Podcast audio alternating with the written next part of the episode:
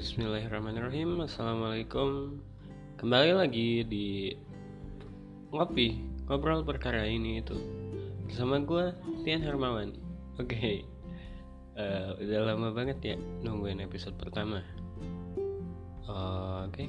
Di episode pertama Gue tuh mau ngebahas Banyak banget Yang dilakukan orang-orang Agar mereka berasa benar-benar hidup.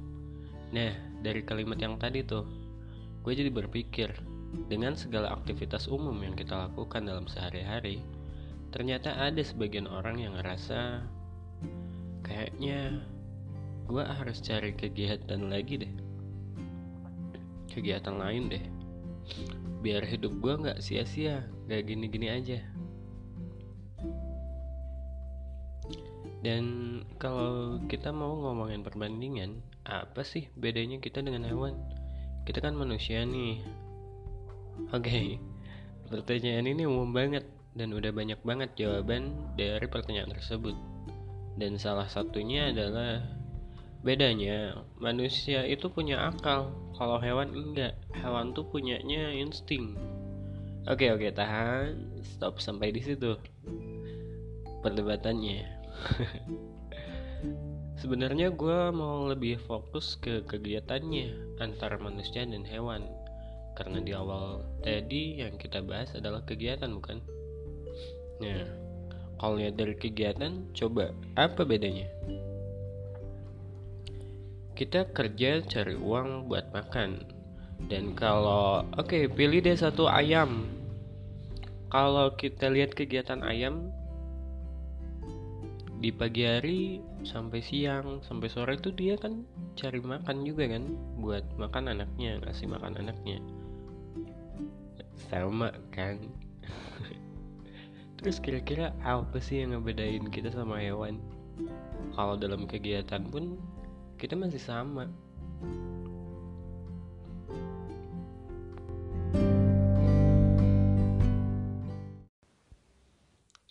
Oke, melanjut pembahasan episode kemarin.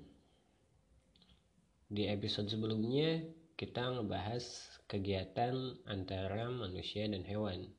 Dan ternyata kalau kita lihat dari sisi kegiatan aja, ternyata kita tuh ngebeda jauh sama hewan.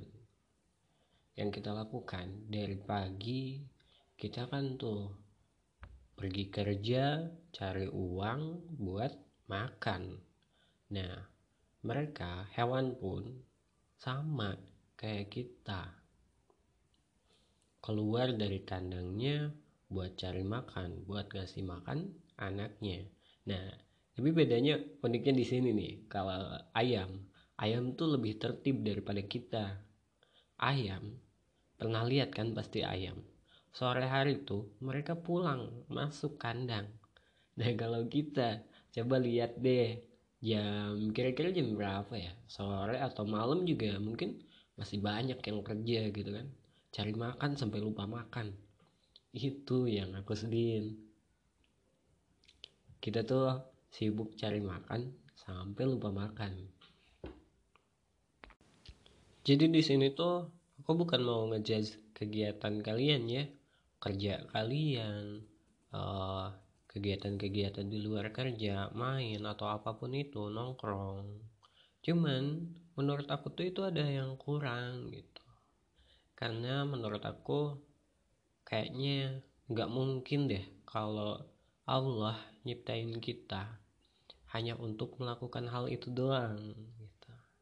Kayaknya ada deh selain dari itu yang bikin bener-bener beda dari dari sisi kegiatan pun yang satu hal yang membuat kita manusia beda dengan hewan. Dari kegiatan apa lagi ya? toh banyak kita samanya sama hewan.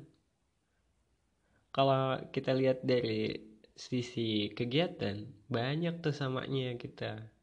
Berkembang biak oke okay, sama. Kita berkembang biak kita punya anak gitu kan jaga anak kita ngurus anak kita. Gitu.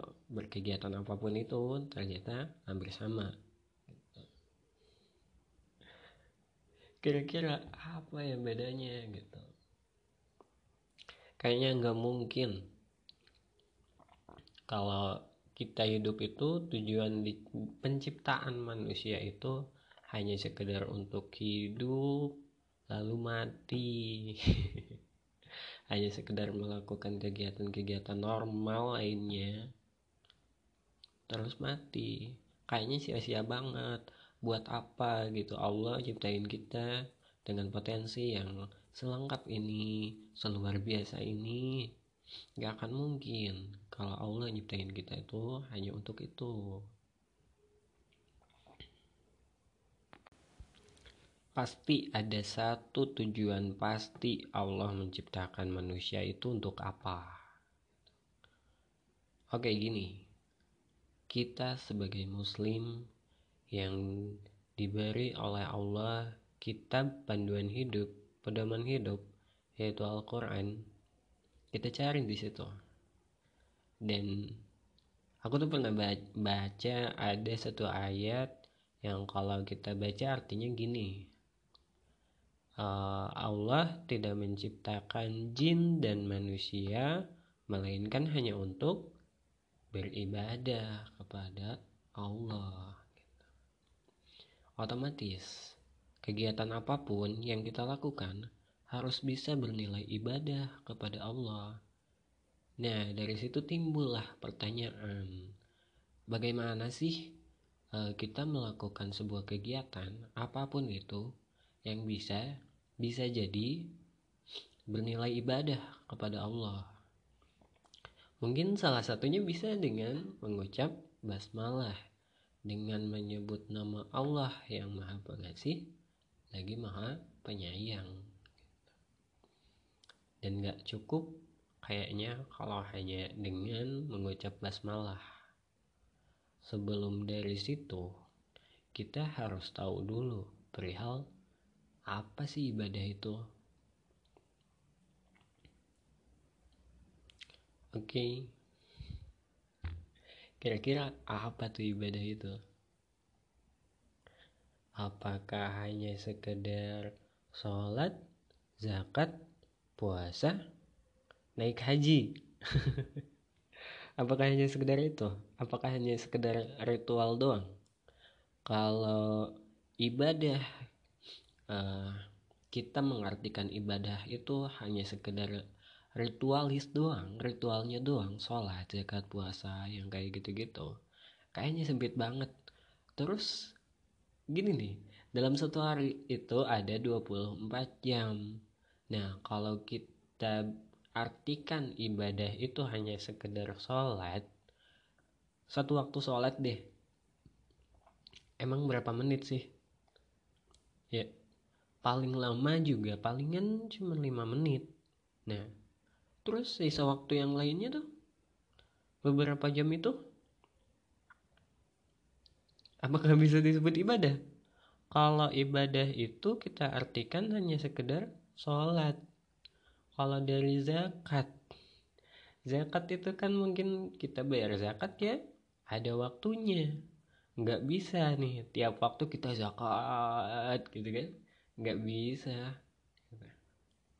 Kalau memang ibadah itu kita artikan hanya sekedar ritualnya aja. Kita kupas dulu nih apa sih yang disebut ibadah itu? Aku tuh pernah baca perihal ibadah. Artian dari kalimat kata ibadah itu berasal dari kata abid. Abid itu yang berarti budak. Yang namanya budak gimana nih kira-kira?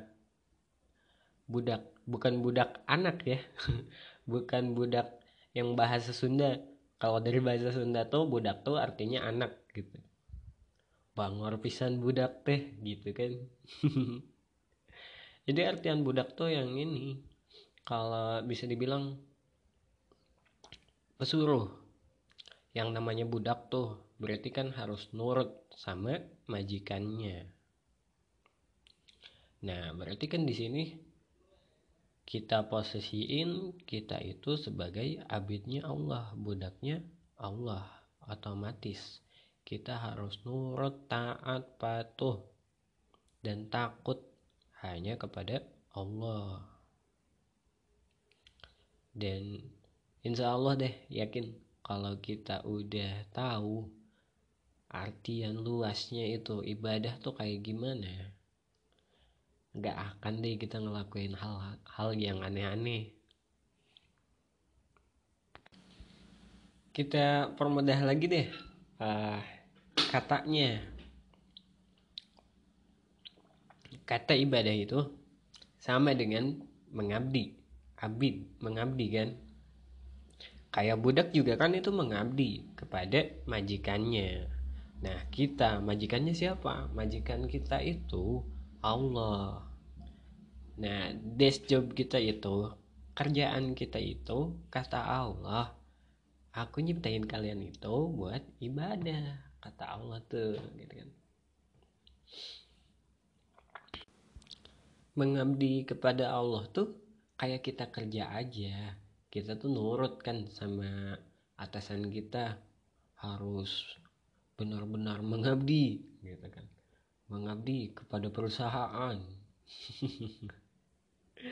berarti kita ibadah kepada majikan-majikan kita. Apakah Tuhan kita perusahaan? Apakah Tuhan kita atasan-atasan kita? Bukan kan? Masa iya? Sama bos kita, sama atasan-atasan kita nurut banget. Masa sama Allah enggak? Padahal ada kalimat satu kalimat yang umum banget nih. Tenang rezeki itu udah ada yang ngatur. Tenang rezeki itu dari Allah. Nah terus kenapa kita harus takut kehilangan penghasilan karena dikeluarkan dari perusahaan. Kalau emang benar kita yakin kalau rezeki kita itu di tangan Allah gitu kan. Sebenarnya gini kalau kita kerja ataupun enggak bukan berarti kita harus enggak harus kerja ya. Kerja itu harus gitu.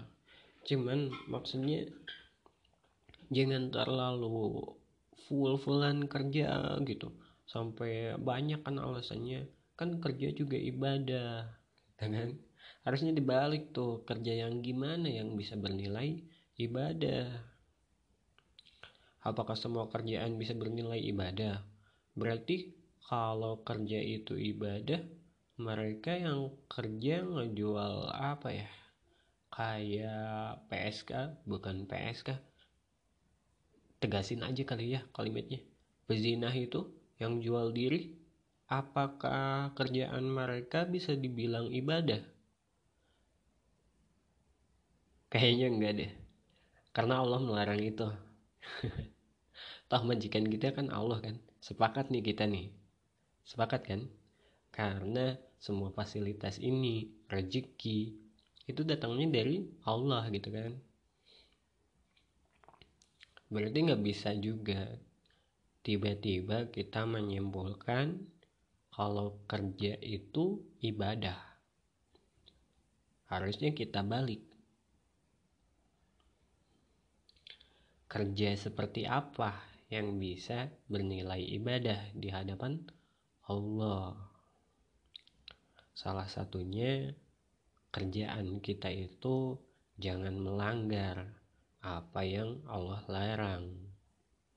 Apa yang udah ditentukan sama Allah.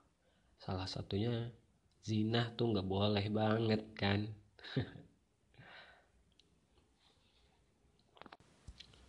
Oke, mungkin sampai situ dulu pembahasan kita perihal ibadah.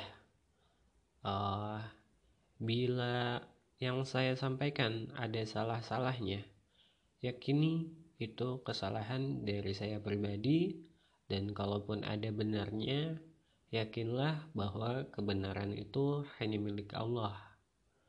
Oh ya, dan untuk kita semua untuk saudara-saudara kita di mana pun terutama umumnya di Indonesia kita sedang menghadapi pandemi COVID-19 ya. Kalau aku boleh ngasih komentar perihal itu. Kalian tuh jangan terlalu menyepelekan dengan apa yang sedang terjadi di negara kita ini. Jangan nyepelein dengan kalimat kemarin tuh rame banget nih. Ada yang bilang gini, kan mati mah di tangan Allah bukan di tangan covid gitu bukan di tangan corona oke iya mati itu di tangan Allah. Tapi Allah juga nggak ngebolehin kita buat zalim ke diri kita sendiri. Kita tetap harus jaga kebersihan jaga kesehatan pola makan pola tidur. Kalau disingkatnya kita tuh harus ikhtiar dulu. Kalau kita udah ikhtiar baru selanjutnya tawakal Allah. Berserah diri semua hasilnya kepada Allah. Babnya ikhtiar itu babnya fisik. Dengan usaha kita jaga kesehatan cuci tangan makan yang bersih. Uh, apa? Tangan tuh pakai hand sanitizer biar bersih selalu gitu kan? Jaga kesehatan lah apa pun itu gitu kan uh, dengan olahraga olahraga ringan gitu kan. Jaga kesehatan pola tidur juga jangan kebanyakan begadang makan juga diatur pola makan. Nah kalau kita udah usaha seperti yang tadi itu nah baru semua hasilnya serahin kepada Allah. Kalaupun nantinya kalaupun pahitnya misalkan kita terkena virus itu yakini aja. Yakini aja kalau itu ujian dari Allah. Kita harus bisa sabar menghadapi itu. Kalau kita dapat musibah dapat kena virus corona itu. Dan insya Allah kemarin tuh dengar para ulama juga ngebahas dan ada hadisnya kalau kita mati dengan satu wabah ini dan kita sabar menghadapinya insya Allah kita mati syahid. Oke mungkin segitu dulu. Maafkan uh, segala kekurangannya salah-salah katanya. Kalau bila ada kalimat-kalimat yang menyinggung saya mohon maaf. Semoga lekas sembuh semuanya Indonesia dan dunia. Jaga terus kesehatan ya. Wassalamualaikum warahmatullahi wabarakatuh